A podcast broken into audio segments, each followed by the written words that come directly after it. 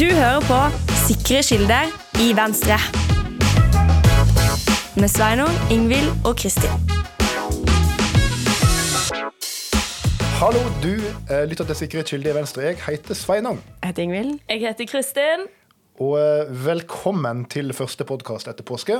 Velkommen, velkommen til til deg. Ja, tusen takk. Velkommen til meg, ikke minst. Eh, som ikke har vært med dere siden før jul, med unntak av en gjesteopptreden eh, i vår. Stemmer. Vi har jo hatt med oss Grunde siden jul. I forbindelse med at du har vært eh, vekke på dette sjefskurset. Mm. Har du blitt sjef ennå? Eh, nei, men jeg er nestsjef, nestleder i partiet. Oi, nytt, nytt spennende.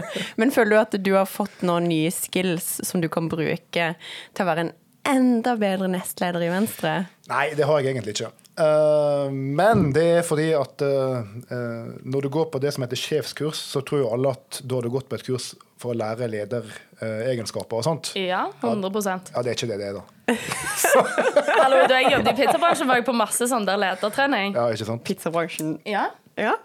Ja, nei, Sjefskurs på Forsvarets høgskole er, er ikke et lederkurs. Du lærer faktisk så vidt jeg fikk med meg, absolutt ingenting om ledelse. Uh, uh, så det er ikke et kurs for å bli leder, det er et kurs for ledere. Uh, der en skal lære om helt andre ting, eh, som er forsvar og sikkerhet og utenrikspolitikk. og Styring av landet og totalforsvar og terrorisme og eh, sånne ting. Men spennende det, liksom. Men vil du si at du har fått venner for livet? Jeg ler dere hånlig. Kanskje jeg har fått venner for livet. Ja, har du det? Ja, kanskje jeg har det. Ja. Eh, vi, vi, ja, det vil jeg faktisk si. Å, så hyggelig! Det er jo veldig Det er jo veldig koselig, ikke sant? Fordi at du er 30 stykker som ikke kjenner hverandre i utgangspunktet. Og så er det sånn Nå skal dere være sammen dag og natt i tre måneder. Det er reality-bobla. Altså, det er sånn reality akkurat som dere har vært på Det er akkurat som i Paradise. Mm. Um, uh, uten å stemme hverandre ut, og og uten å måtte bytte rom hver uke. Men eh, bortsett fra det, nesten helt likt. Var Tix der? Hva sa du? Var Tix der? Eh, Det er nei. han som er programleder nå? ja, jeg vet. Jeg har blitt programleder. For Paradise? Oi! Ja. Ok, det visste jeg ikke. Tix, ja. Nei, eh, han var ikke på sjefskurset i Forsvaret. Nei. Men, eh, men eh, du, vi har hatt det veldig kjekt, og en blir faktisk veldig godt kjent. Og det som er veldig kult, er at det er det er jo folk som driver med veldig forskjellige ting. ikke sant? Så Det er, liksom, det er på en måte offiserer fra ulike grener i Forsvaret som kan, kan den type ting. Og så er det politikere, og så er det folk fra Høyesterett og NHO og Statkraft og embetsverket og Utenriksdepartement. Så, så det er veldig mange folk som er flinke til hver, hver sine ting og i hver sine sektorer. Eh, Og det som er veldig gøy da, er jo at en lærer veldig masse av hverandre. Så en lærer jo egentlig nesten like masse av hverandre som en lærer av foredragene, selv om de også er veldig, veldig top notch. da. Så det er et, det er et veldig bra opplegg. Men hva er det du har lært mest om, da? Um, jeg for min del har nok lært mest om rett og slett eh, Forsvaret. da. Altså, for Det var nok det jeg kunne minst om fra før. Altså, Jeg har ikke hatt noe med Forsvaret å gjøre siden jeg var i førstegangstjenesten. liksom. Eh, så det vi lærer om så mye med sånn styring av landet og regjering og kriseledelse, sånt kan jeg jo en del om. eh, håper jeg iallfall. Uh, mens det som liksom har med å gjøre med liksom, forsvarsstrategi og hvordan en må se ulike kapasiteter i sammenheng, og uh, overvåkningsfly og ubåter og etterretning og USA og Nato og alt det der, må jeg innrømme at det kunne jeg ikke så veldig mye om fra før. Eh, det har jeg lært veldig masse om. Så nå har jeg veldig sterke meninger om uh, Forsvaret? Forsvaret. Så praktisk at du liksom er finansfraksjonen, da. ja, ikke sant? Vil det gjenspeiles? Ja. Så nå er Venstres alternative budsjetter en satsing på forsvar? Nå blir det mye penger på forsvar, lite penger på dyrevern og justissektoren. Vi får se, Sveinung. Vi får se. Ja, vi skal nok krangle om det som vanlig, tenker jeg. Nei da, vi skal selvfølgelig bruke penger på forsvar. Men men én ting er jo liksom om du skal bruke mer penger på forsvar eller ikke. Det syns jeg for så vidt en bør. Eh, men det er jo mye mer interessant å diskutere hva du skal bruke pengene på. Mm. og det er jo ikke noe hemmelighet at hva du skal bruke penger på i Forsvaret, det er det jo mildt sagt ikke enighet om i Forsvaret. altså, her har jo folk veldig ulike meninger om hvorvidt det du skal bruke penger på er nye stridsvogner, eller det er nye eh, antiluftsystem, eller det er flere ubåter, eller hva det måtte være. Så, så også i Forsvaret er det jo litt sånn at eh, eh, hvor du hva heter eh, Where you stand depends on where you sit. Så det er litt sånn det en jobber veldig mye med, blir en veldig engasjert i, da, også i, også i, også i Forsvaret. Men, men det her føler jeg at jeg har bedre grunnlag for å mene ting nå enn jeg hadde for tre måneder siden. Ja, men Dette blir spennende å se hvordan det utspiller seg. Ja, vi får se, vi får se. Men uh, det er uansett godt å være tilbake igjen. da. Jeg har savna dere. Vi har savna det veldig mye. Savner podkasten, Mhm. som nå eh, blir en finans- og forsvarspod i tida framover. Så her er det bare å Men vet du følge hva, Det er veldig bra, det. Fordi det har no, eh, mens du har vært vekke i ditt fravær, har det vært en pod om eh, cosplaying av Palmesøndag, uh, obskure eh, sporter og Kristiansand. Basically. Eh, Ja. Og alkoholpolitikk, faktisk. Okay. Ja. Det har vi jo blanda inn der, ja. Så det, jeg tror det er mange som setter pris på at du er tilbake, Svein. nå. Absolutt. Det eneste det jeg er interessert i, er alkoholpolitikk, så det kan vi ta med oss videre. Men bortsett fra det, så blir det helt andre temaer framover.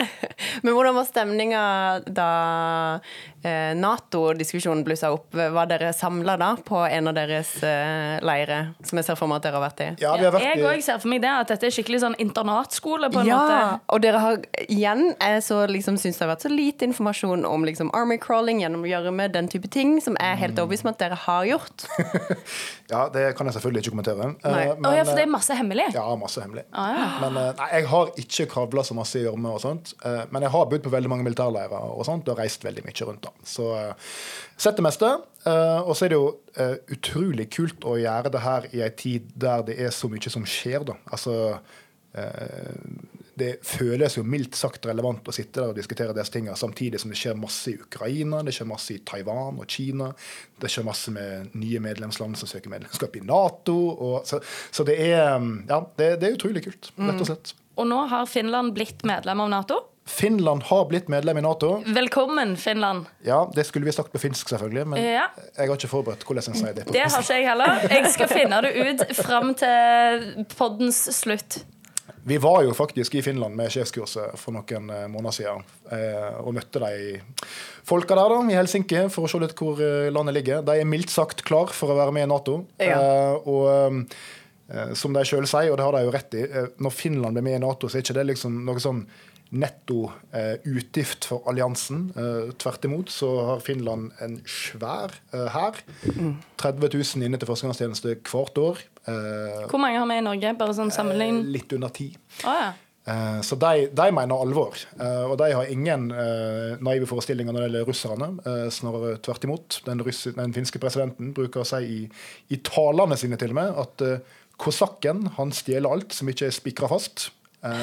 Og det er Finlands holdning til Russland. Men bruker ikke de helt insane mengder liksom, av sitt statsbudsjett på forsvar, sammenligna med Norge? Nei, egentlig ikke. Nei. Uh, og Norge bruker egentlig ganske mye penger på forsvar uh, sammenlignet med de andre nordiske landene. Så det er ikke at vi bruker så masse mindre penger enn de andre, men det Finland jo har, er en veldig stor hær. Så Ja. ve veldig mange vernepliktige. Det er ikke så dyrt. Uh, vernepliktige er tvert imot ganske billig i drift. Det er litt av konseptet. Men det Norge bruker masse penger på, og der vi er på en måte top notch, ikke sant? det er vi har veldig moderne jagerfly, uh, vi har en veldig god etterretningstjeneste, vi har et svært sjøforsvar sammenlignet med resten av Skandinavia.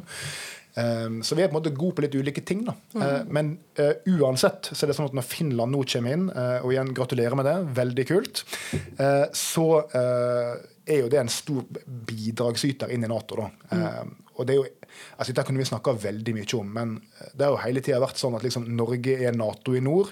Vår grense mot Russland er liksom Natos grense mot Russland i Norden. Nå får du 1400 km til med grense mot Russland, og det er finnene som skal, eh, skal marsjere opp og ned der. Så dette endrer jo på en måte forsvarsplanlegginga i Norden, og det blir utrolig utrolig viktig. Men eh, finnene de har slåss med Russland mange ganger før, eh, og vunnet ganske mange ganger før. Eh, så, så det blir interessant. Og Sverige må stadig vente litt. Ja, de må jo det. Det er jo veldig synd, da, egentlig. Men dessverre så er det sånn at en viss president i Tyrkia har funnet ut at eh, Sverige de vil han ikke ha med i Nato, iallfall ikke helt ennå. Eh, og da er det sånn det er. Men du har jo rett og slett eh, hatt en liten reise til Tyrkia i påsken, så du har blitt en slags Tyrkia-ekspert. Og det har vi mangla i podkasten, faktisk, så det er veldig behagelig. Tyrkia-eksperter? Ja. Jo, takk for det. Ja, så det, ja. Mm. Ja, Men nå er jeg det, for nå har jeg vært i Tyrkia ei uke, eh, og det bør kvalifisere til å være ekspert. 100 det Ja, ja, ja. Ja, nei, jeg er Tyrkia-ekspert. Um, skal innrømme at jeg var der på ferie, men jeg følger med. Uh, så uh, det, det er to ting som er spennende med Tyrkia nå, da, tenker jeg. Uh, og det her kan vi for så vidt snakke litt om. Det ene er hvorfor de ikke vil ha Sverige komme inn i Nato. Og det andre er, og dette henger sammen, det er valget i Tyrkia i mai. Jeg tror det er 14. mai. Uh, og denne president Erdogan, som nå har styrt Tyrkia i mange, mange år, Eh, antar alle at bare vil bli gjenvalgt igjen, for det er et forholdsvis autoritært styre og land. og Han har god kontroll på ting. Men det er faktisk ikke gitt. For det som nå skjer, er at hele opposisjonen basically har samla seg om én motkandidat eh, fra dette CHP-partiet, da, eh, som også er en gammel mann med bart. Han ser litt snillere ut enn Erdogan ser ut på bildet. Ja, men det skal ikke så mye til. Nei, det er bra. Eh, Så i hvert fall det jeg leser av folk som vet mer om dette enn meg, er at det er ikke gitt at Erdogan faktisk vinner dette valget. her. Han kan faktisk tape det, og du kan få et nytt eh, regime i Tyrkia. Og nytt håp for Sverige, kanskje? Kanskje. Eh, Iallfall så han andre kandidaten her har sagt at han er for å la Sverige komme inn i Nato. Så det er interessant. Så tror jo de fleste da at selv om Erdogan blir gjenvalgt, eh, så vil Sverige komme inn i Nato. For det er mange som antar at han bare gjør seg vanskelig og bruker dette her av innenrikspolitiske hensyn i Tyrkia for å være tøff og vise at han er mektig, og at Tyrkia ikke lar seg herse med, og at han vil slippe inn Sverige etter valget en gang. Mm. Så når du sier at disse tingene henger sammen, det at han sier nei til Sverige nå, Mm. og at det er valg, så er det fordi han mener at det er en populær sak å stå på. Ja, mange mener det, mm. og det er nok mye i det, sannsynligvis. Eh, og så kan jeg spørre seg ja, hvorfor det. Det er jo fordi bl.a. annet da, det de beskylder Sverige for, eh, det er jo at Sverige er liksom soft on terrorism. Eh, fordi Tyrkia sin på en måte viktigste sikkerhetspolitiske anliggende det er jo i stor grad terrorisme eh, og kurdiske eh, terrororganisasjoner, som de vil beskrive det som, eh, og som de jo i stor grad er. Og de mener at Sverige tar ikke det på alvor. Eh, og Sverige har jo hatt historisk veldig kurdiskvennlig regjering. Eh, og det har jo også kommet fram at det har vært betydelige pengestrømmer fra Sverige, eh, bl.a. den store kurdiske diasporaen i Sverige, til kurdiske organisasjoner i Tyrkia, som Tyrkia mener er terrororganisasjoner. Så sier jo svenskene at vi har rydda opp i alt dette her, og er litt sånn frustrert over at Tyrkia likevel holder på med dette. Men, men for de som lurer på hva som er forskjellen på Sverige og Finland, så er det forskjellen på Sverige og Finland. Ja, eh, at Sverige- Finland a- aldri beviselig har gitt noe penger til noen kurdiske terrorgrupper. Nei, de har ikke det i det hele tatt. Og Sverige har jo på en måte i mange tiår hatt en veldig sånn vennligsinna holdning til mange hva skal vi si, eh, motstandsbevegelser da, rundt, Ja. omkring, rundt omkring i verden. Og det er jo et spørsmål òg. Altså, hva, hva er det som blir stempla som en terrororganisasjon av Tyrkia? Så det er jo ikke liksom helt svart-hvitt heller, at man kan bare si at ja, dette er helt åpenbart terrororganisasjon. Det er jo et politisk spørsmål. Det er absolutt et politisk spørsmål, og en del av de tinga Tyrkia vil at Sverige skal gjøre, kan ikke Sverige gjøre, og det ville ingen andre Nato-land akseptert heller. For eksempel så krever det at Sverige skal utlevere egne statsborgere, altså svenske statsborgere, til Tyrkia for rettsforfølgelse og den typen ting. Mm. det, kan ikke Sverige gjøre.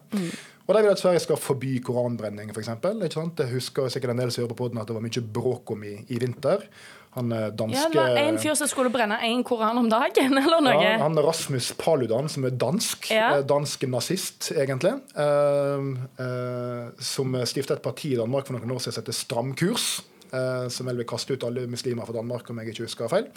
Han har drevet reist til Sverige for å brenne koraner og provosere, og det vil jo Tyrkia at de skal forby. da. Men det vil jo stride mot både ytringsfrihet osv. Så, videre. så Så det er veldig mye politisk spill her. Men jeg tror Eh, summa summarum eh, så kommer nok Sverige med i Nato snart. Eh, forhåpentligvis uavhengig av valgresultatet i Tyrkia. Eh, men det vil jo være veldig viktig å få dem inn. da. Og Når du får inn Sverige i Nato i tillegg, og Sverige har også et ganske solid forsvar, så vil jo Norden da eh, være tryggere enn noen gang, får vi tro. Og vil ha en, blant annet en stor, eh, et stort luftvåpen samla. Eh, så det, det får vi glede oss til. Så vi gleder oss til å si velkomne, Sverige. Men inntil videre får vi klare oss med Tarvettuloa Suomi. Veldig bra. Nå er du god. Nå er du veldig god. Jeg sa jo jeg skulle være på det. Ah, så bra. Og nå har vi jo fått en sånn liten forsmak av hva denne podkasten kommer til å være framover. Ja. Nå blir det forsvar, finans, utenrikspolitikk. Det blir beinharde spørsmål framover. Can't wait. Yes. Men det var godt å få snakka litt om eh, ting Ja. jeg har på hjertet. Ja. Um, vi skal ikke bare snakke om um, Nato og sikkerhetspolitikk og forsvar i dag òg. Vi skal snakke om litt andre ting som skjer. Og en av tingene som i fall jeg har fått med meg har skjedd, selv om jeg har vært i en litt egen boble og nå er tilbake, Reality-boble. eh, reality-bobla i Forsvaret, det er noe som jeg tipper du ble glad for, Ingvild. Eh, og det er at det nå har kommet nye faglige råd fra et sånn nordisk organ, som forhåpentligvis skal danne grunnlaget for nye kostholdsråd i Norge. Og det handler selvfølgelig om hva som er sunt og godt å ete, eh, men særlig handler det om kjøtt, som virkelig fyrer opp debatten der ute. Og De nye råda er jo at vi skal ete enda mindre kjøtt enn det vi har blitt råda til å gjøre fram til nå. Nærmere bestemt tror jeg det er 350 gram maks rødt kjøtt, Rødt i kjøtt, veka. ja. ja. Og hva tenker du om det, Ingvild Thorsvik? Nei, altså nå er jo som du sier, dette er jo altså over 400 forskere som har kommet med, med kostholdsråd, både eh, hvor de tar høyde for altså, bærekraftshensyn, men også helse. da.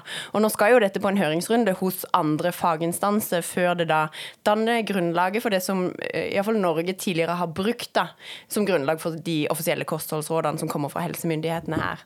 Eh, og, og bare for å ha sagt det, denne, mm, denne forskergruppen har ikke tatt hensyn til dyp sånn dyrevelferd. Her er det kun ut ifra eh, bærekraft og helse, men òg i et dyrevernsperspektiv så er det jo veldig god råd at folk skal spise mindre kjøtt. Altså det er da 350 gram eh, rødt kjøtt. De sier vel liksom at primært så bør folk følge liksom eh, plantebaserte kost... Altså de sier ikke at folk skal bli veganere, liksom, men redusere kjøttforbruket kraftig. Eh, og ikke, ikke liksom erstatte da rødt kjøtt med typ hvitt kjøtt. Det er ikke lenger en greie. Og det er jo da både ut ifra eh, helseperspektivet, men også eh, bærekraft, og da spesielt på meieri, som de sier vel at det er den største utslippsfaktoren eh, av all matproduksjon i Norge kommer fra meieriproduksjon. Er det kødd? Nei, det er det de sier i rapporten. Eh, og da eh, Altså ikke fra selve meieriet, men fra kyrne. Ja. Nei, men fra kyrne, det skjønner jeg. ja.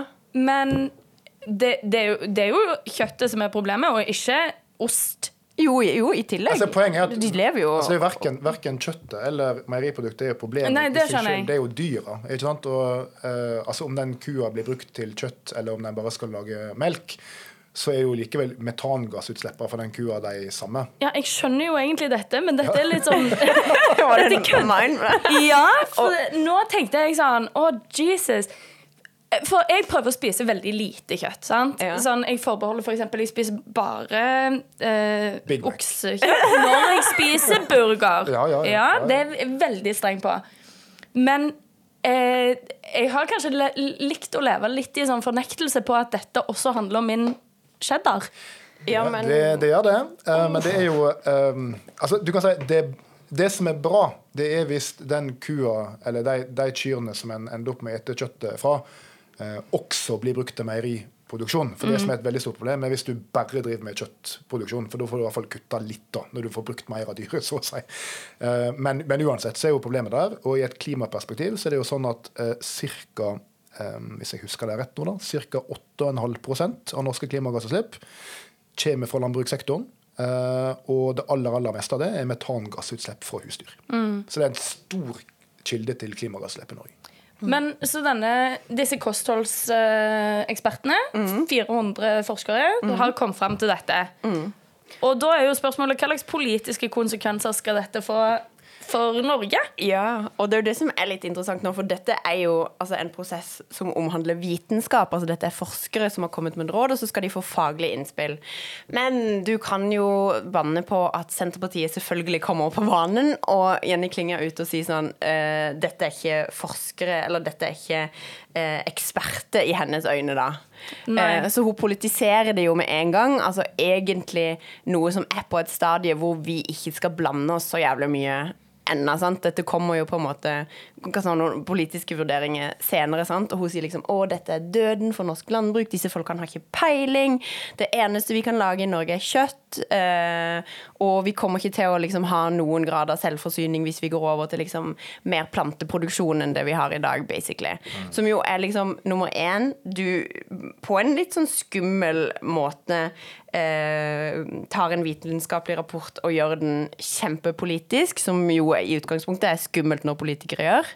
Eh, og for det andre så kommer du jo med på en måte utspill som, som er på en måte på ingen som helst måte i tråd med egentlig de kostholdsrådene som vi har allerede i dag. For det er jo et fokus allerede på kjøtt kutte i kjøttkonsumet.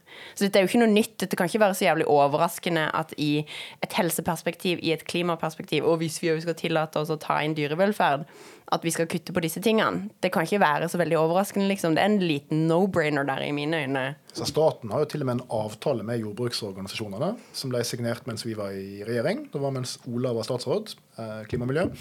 Eh, der vi har blitt enige med landbruksorganisasjonene om målsetninger for å kutte klimagassutslippene i jordbruket. Og Et av de viktigste tiltakene i den avtalen, som jordbruket har signert på, det er at du skal få folk til å følge kostholdsrådene. Mm. Det det betyr, er et mindre kjøtt, eller rødt kjøtt. da. Eh, så, så, det er ikke sånn sjokkerende at liksom det er en sammenheng her. Tvert imot så har jo egentlig alle erkjent det. Eh, men det, det jeg syns er irriterende med den debatten, der, er at en, en blander korta sånn. For det er en helt ærlig sak for Senterpartiet og andre å skulle si at eh, vi mener eh, kjøttproduksjon, kyr, ditt og datt, er viktig for norsk jordbruk. Vi mener det er viktig for distrikter og sysselsetting. Derfor vil vi prioritere det. Det er helt mm. streit å mene det. Mm.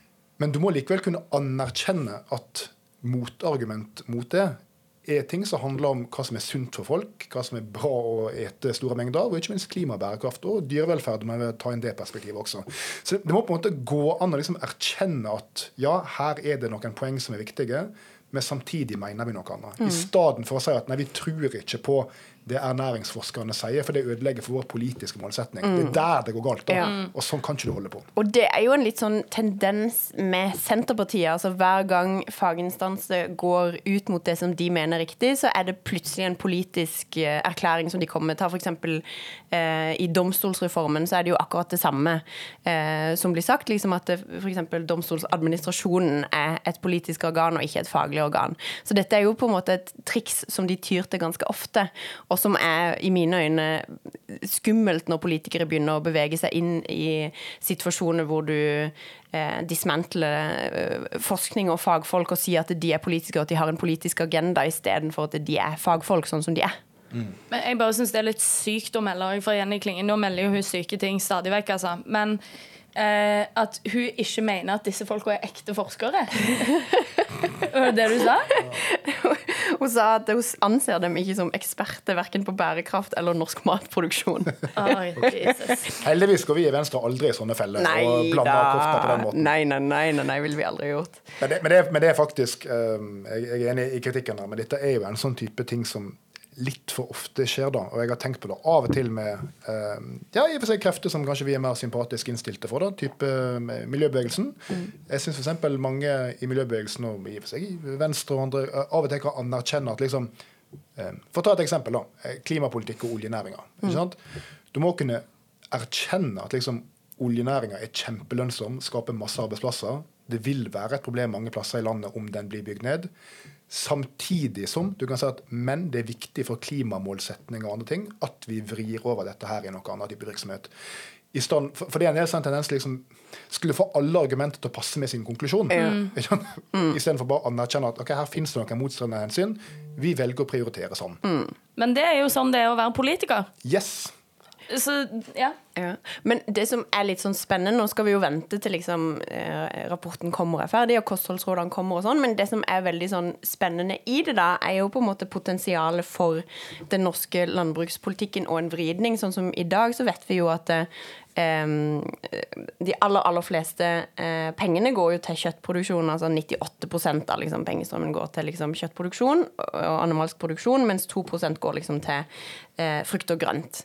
Eh, og det som er spennende her, er jo at det er jo et enormt potensial i en vridning av den norske landbrukspolitikken til et større fokus på det som er altså, produksjon av Tomat. Ja, men ja. frukt og grønt og korn og disse tingene her. Og ikke minst er det jo mye mindre ressurskrevende. Eh, altså de, jeg skjønner at eh, alle arealer som vi bruker til å gro gress, ikke kan brukes til å dyrke grønnsaker, liksom. Sånn er det ikke. Men, men du frigjør jo også en del eh, arealer som kan brukes til produksjon som faktisk mennesker kan spise, heller enn å produsere gress, da, f.eks. Ja da, det, jeg tror nok at potensialet i norsk jordbruk for å drive med andre ting enn bare fôrproduksjon til husdyr, eh, er definitivt til stede. Eh, og så tror jeg samtidig bare for å erkjenne at det vil medføre noen vridninger geografisk, f.eks., og at det er noen deler av landet der det er mindre egnet for å drive med mm, produksjon av belgfrukter og andre ting. Eh, og så er det denne utmarksbeiteproblematikken som også ligger der, da, eh, som, som er helt reell. Og så tror jeg at Grunnen til at det blir så masse oppmerksomhet rundt, eh, er jo at dette er det veldig lett å mene noe om. Fordi eh, folk har veldig sterke meninger om hva de sjøl eter, og folk liker naturlig nok ikke at staten skal blande seg inn i hva de eter. Jeg kjenner jo at liksom som liberaler så det, det river litt i ryggmargsrefleksen òg. Altså bare konseptet statlige kostholdsråd er jo litt sånn Å gud, skal staten komme her og fortelle meg hva jeg skal ete? Men skal staten òg betale for dine helseutgifter fordi du bare har spist 1000 gram rødt kjøtt hele uka, liksom? Eh, ja, er jeg jo det, da. Ja. Og på i Norge. Hallo, staten driver jo fortsatt og finansierer sånn der opplysningskontor for egg. Ja, Jesus. Det er jo helt sjukt. Det Ja. er helt jævla sjukt, liksom. Det er det. ja, og det er jo greia, og det mener jeg er det gode motargumentet. da, For jeg, jeg, jeg tenker sånn, ja, eh, folk må få lov til å bestemme sjøl hva de spiser. Det, det, det, selvfølgelig skal de det. og Det er ingen som mener noe annet heller. Du må få lov til å bestemme det sjøl. Men det er også noen i- ting i systemet her, både i subsidieordningene til bøndene Absolutt. og til dette såkalte opplysningsarbeidet, som jo egentlig er en måte å få omsatt kjøtt på, kjøttreklame, der staten presser aktivt på gasspedalen i den andre retninga for å drive kostholdet inn mot kjøtt, rett og slett. Og så er det jo for meg eh, og andre som er veldig glad i kjøtt, eh, at vi også må komme til en erkjennelse av at vi kanskje brøt litt mindre av det. Eh, og det, det får vi jo gjøre, da. Jeg skjønner at det er synd for meg. Uh, og så er ikke alt alltid jeg lykkes helt i. Jeg skal sende deg så mange gode nettressurser, Sveinung. Ikke vær redd. Men skal du Ingvild, nå uh, i tråd med det nye kostholdsrådet legge deg på 350 gram rødt kjøtt i veka, eller skal du fortsette på null? 350 gram syns jeg høres ganske mye ut. Det er jo en pakke kjøttdeig, da. Litt, Ja. litt mindre.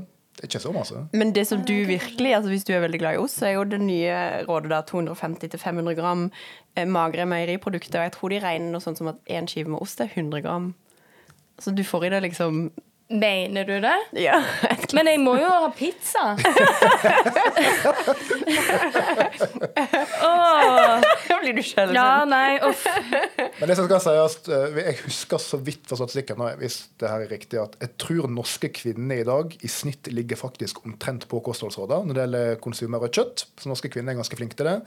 Mens menn ligger ganske dramatisk mye over. Så, det, så det eneste vi menn egentlig trenger å gjøre, er å ete omtrent like masse kjøtt som det kvinner gjør. Ja. Og det bør jo være oppnåelig, da. Men jeg. Ingvild, jeg, vet du hva, jeg gjorde matten. Uh, yes, that's right. Uh, og hvis en skiveost hadde vært 100 gram, så hadde jo en kilo Norvegia vært ti skiver med ost. ja. Det stemmer ikke. Det stemmer ikke. Nei, det går ikke. Det er helt sant. Ja. Det, dette er ikke en mattepod. Nei, nei, for som- det er en fysikkpod. Burde det vært Først og fremst. Først og fremst dernest politikk. Anyway, eh, Det som nå skjer fremover, er jo at eh, staten skal gå til en vurdering av hva den nye kostholdsråden skal være. Så da er det bare å se for seg den regjeringskonferansen der eh, landbruksministeren og miljøministeren skal sitte og krangle om hva som er riktig mengde kjøtt å anbefale folk å spise. Og helse. Og helse, ikke minst. Ja. Så eh, det er bare å glede seg for det som skal være del av den diskusjonen. Det skal dessverre ikke vi. Men vi sitter på utsida og, og, og følger med. Og til alle der ute, det er lov å spise rødt kjøtt. Eh, Fortsett med det hvis du vil. Men eh, fordi jeg har helse sin del, så er det sikkert lurt å spise litt mindre enn det du gjør nå. Iallfall hvis du er mann. Og av hensyn til klima og natur og bærekraft og dyrevelferd, så bør du prøve å ete litt mer grønnsaker, frukt og fisk og, og sånne ting. Veldig bra, Sveinung.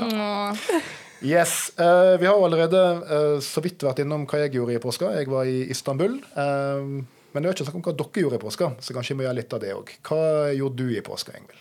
Altså, jeg har vært på Sørlandet, både på fjellet og i byen, som jeg velger å kalle det, Mandal. Storbyen Mandal. Storbyen Mandal. Hvor mange bor i Mandal?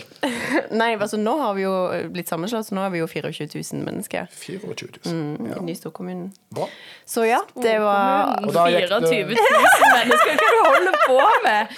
En liten bydel i Oslo. Men jeg lover deg, i høytider så er det så mye turister at du ser nesten ikke en eneste mandalitt. Du ser en hel haug med rogalendinger, en del østlendinger, og de er veldig hjertelig velkommen, for de legger igjen masse penger som gjør at eh, bedrifter i Mandal kan holde opp eh, resten av året for de av oss som bor der hele tiden.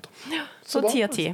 Men jeg må jo si altså sånn eh, Det viktigste som skjedde i påsken, Mm. skjedde jo ikke med meg eller noen av dere. Det skjedde jo med den stakkars hunden som var Og hvilken hund er det nå? Nei, men den hunden som falt gjennom en snøskavl og ble fast på en fjellhylle på Hovden, som jo òg er i Agder. OK? Har dere ikke fått med dere Nei! dette? Alle samtlige nyhetsmedier har skrevet om denne hunden. Nei, Det tror jeg ingenting på. Det, jeg lover det nyhetene. Hunden Ja, sto fast Dyrevelferd.no, liksom. Nei! VG, NRK og. Dagbladet. Og um, det ble jo Denne hunden sto fast på denne fjellhylla. Og redningsmannskapet var sånn Nei, vi klarer ikke å redde denne hunden. Vi er usikre på hva vi skal gjøre, men vi, vi kan ikke redde den hunden. Den hunden sto VG publiserte sånn videoer av hunden som bare sto på den fjellhylla alene og ulte. Fordi den hadde det helt jævlig. Den var kald og sulten. Eh, og det var liksom sånn, de begynte å snakke om OK, eh, må de bare liksom skyte den for å liksom put him out of his misery? Fordi redningspersonellet var sånn nei, det går ikke. Men da kommer historiens helt inn. For da er det jo blant annet en eh, mandalitt, Ida Byrmo. Shout-out til Ida Byrmo. Verdens største fucking shout-out til Ida Byrmo, iallfall. Eh, som- Er det en du kjenner? Nei, jeg vet hvem han er, bare fordi han er fra Mandal. Men de da eh, tar Det, Kommunen det er tegnet på en storby når du kjenner alle som er fra byen. Jeg vet bare hvem han er fordi han er fra Mandal. Men de Ok, og det er jo sånn Det er ikke 100% kosher, for de har jo da gått imot rådene fra liksom redningsmannskapene. Det sier vi jo selvfølgelig ikke at folk skal gjøre. Men de har da venta til kvelden, gått i to timer til denne fjellhylla. De er klatrere, så de har liksom bolta seg fast i fjellet. Heisa seg ned, henta hunden, båret han tilbake igjen til hytta si og redda han liksom. Der hvor liksom Ja! Helse! Det, det var faktisk en gladsak. Det er verdens største Og det, var jo, det ble jo oppretta en spleis for å liksom eh, engasjere eh, helikopter privat, siden oh, ja, ikke sånn, vil Redningsselskapet ville gjøre det. Og den samla inn sånn en halv million på sånn tolv timer, liksom. Og så ble det ikke behov for den? Nei, Så eh, hadde blant annet bidratt til den spleisen. Fikk de pengene tilbake. Å ja, du gjorde det, ja. Ja. Det, var, det var bra, da. Ok, men så det, det, Den påskehunden har åpenbart engasjert deg, men det endte bra. Det endte så bra! Påskehund. Det er nok, Påskehund i nok et fjellet. nyord. Og de ga han mat, tok han med på hytta si og klappa han, og han var så kald og redd, og alle trodde han skulle dø, og det var helt forferdelig, og så ble det verdens gladeste påskesak. Men da må jeg jo få lov til å legge til Ingvild, at jeg tror du hadde kost deg i Istanbul. Fordi jeg har aldri sett så mange hunder og katter i mitt liv som går fritt rundt. Er de ville? Ja, de lever i byen. da. Og, nei, det er sånn ish. De, de får mye mat, og det de blir passa veldig godt på. Ja. Fordi de, De lever jo ute i byen, ikke sant? både disse hundene og kattene. Det er jo hundretusenvis av dem. Altså enormt mange. Ja. Så du kan liksom ikke gå på en butikk eller en restaurant uten at det liksom er minst fire katter der som Ja. klatrer i taket og går rundt. Men det, det virker som det er et slags system på det. da. Eh. Så de var veldig søte. Det er jo veldig hyggelig, liksom, men dette er jo liksom eierløse dyr, så det er jo ingen som typisk nødvendigvis tar ansvar hvis de trenger helsehjelp og sånne her type ting. Dette er faktisk en stor Dette er en, en stor helmskuff, mener jeg, på ferietur til sånne steder hvor det er mye løshund og løskatter. For, for, for, eh, nummer én så har jeg jo da selvfølgelig alltid med meg masse Veskene mine er fulle av liksom hund- og kattemat. Eh, Kan du ta med deg det på tvers av landegrenser? Nei, du kjøper det jo der hvor ja, du sånn, er, og så Ja, putter du det i veska di, og så leverer du det ut. Men det, er, det smerter meg litt i hjertet. Det er veldig hyggelig og sånn å klappe de, men det smerter meg litt, for de er jo eierløse. Ja, Du må sende han ned i da Bjørmo. I- For å redde de alle Ja. sammen. Ja, trodde jeg at jeg hadde en gladsak her med Nei. dyr i Istanbul, men det var ikke bare enkelt. De må Greit. Hallo, det har vært dyr i? Oslo òg. Ja. Ja. Har du sett, har du klappa masse dyr mens du har hatt påskeferie? Hva har du gjort i påska, Kristin? Var det jeg skulle til. Ja, ikke sant? Jeg har stort sett oppholdt meg utfor, nei, innenfor Ring 2, men jeg var utenfor Ring 2 én dag, og da var det rottebonanza på Storo storsenter. Har du fått med deg dette? Og, eh, vi har òg snakket litt om rotter, mens du eh, Ja, det har jeg fått med meg, faktisk. Ja, ja, ja. eh, Som Ingvild Ja, det er rotteproblemet i Bergen, der Ja. Ingvild vil sende det til sånn øy. ja jeg får bare legge til, jeg er på den sida av den debatten som ikke vil ha masse rotter i byen. Ok, Yes. Men nå har det i hvert fall vært rottebonanza på Store Storsenter. Eh, Ref. T-banen der. Og eh, Avisa Oslo tok liksom et bilde av dette rottebonanza, og på ett ett foto var det 14 rotter. Og de bare springer rundt. De spiser mat som folk egentlig har lagt ut til fugler. Men uansett, så det er dyr her i byen òg, bare sånn at det er sagt. Men eh, jo, så har jeg sett mye fotball. Ja, for nå er Eliteserien i gang. Nå er Eliteserien i gang. Ja. Eh, Bra. Det, det er helt fantastisk. Yes, Heia Brann. I år vinner de. Ja, nei, De leder i hvert fall foreløpig. Ja, 3-0 er god start. 3-0 er en god start. Ikke så god start for mitt lag, Sandefjord, som tapte 2-0 for HamKam. Og det er liksom Når du ligger litt tynt an for å være en sånn nedrykksfavoritt, så bør du ikke tape 0-2 mot HamKam. Nettopp. Som også er en nedrykksfavoritt, vil jeg bare legge til. Men det- de klarer nok å redde plassen i år også. Jeg, jeg tror på det. Shout-out til Sandefjord fotball. Yes. Mm. Shout-out til Sande. Det er den smaleste shout-outen vi har hatt, eh, tror jeg. Shout-out til Ivar Bumo. Idar. Idar, beklager. Ja, men han kommer fra en storby, Mandal. Det er mange som, eh, mange som vet hvem det Og er. dessuten er han redningsmann. Nei, men eh, det har vært en veldig hyggelig påske. Og du har vært i Istanbul, men vet du hvem som også har vært på kafé i Istanbul? Kebabsjappa på Grønland torg i påsken? Nei, og Deinar Dørum. jeg visste du kom til å like det. Og så hyggelig for han. Ja. Han blir sikkert å se til helga. Da er det nemlig landskonferanse eh, for oss i Venstre. Eh, det blir veldig gøy. Skal ikke snakke så mye mer om det her nå, men vi skal spille en pod derifra. Men der møtes iallfall alle kandidatene våre til ulike kommuner og fylke- og bydelsvalg denne høsten. Så det blir kjekt. Vi skal være på Hell Hotell i Stjørdal kommune. Værnes. Det blir gøy. Alle gleder seg. Alle gleder seg. OK, det er godt å være tilbake. Godt å være i gang igjen. Kjekt at dere er med videre, begge to. Ja, Deilig å ha deg tilbake. Yes. Dere der ute får kose dere imens. Så høres du. Du, eh, du har hørt på Sikre kilder i Venstre. Takk for oss. Ha det. Ha det.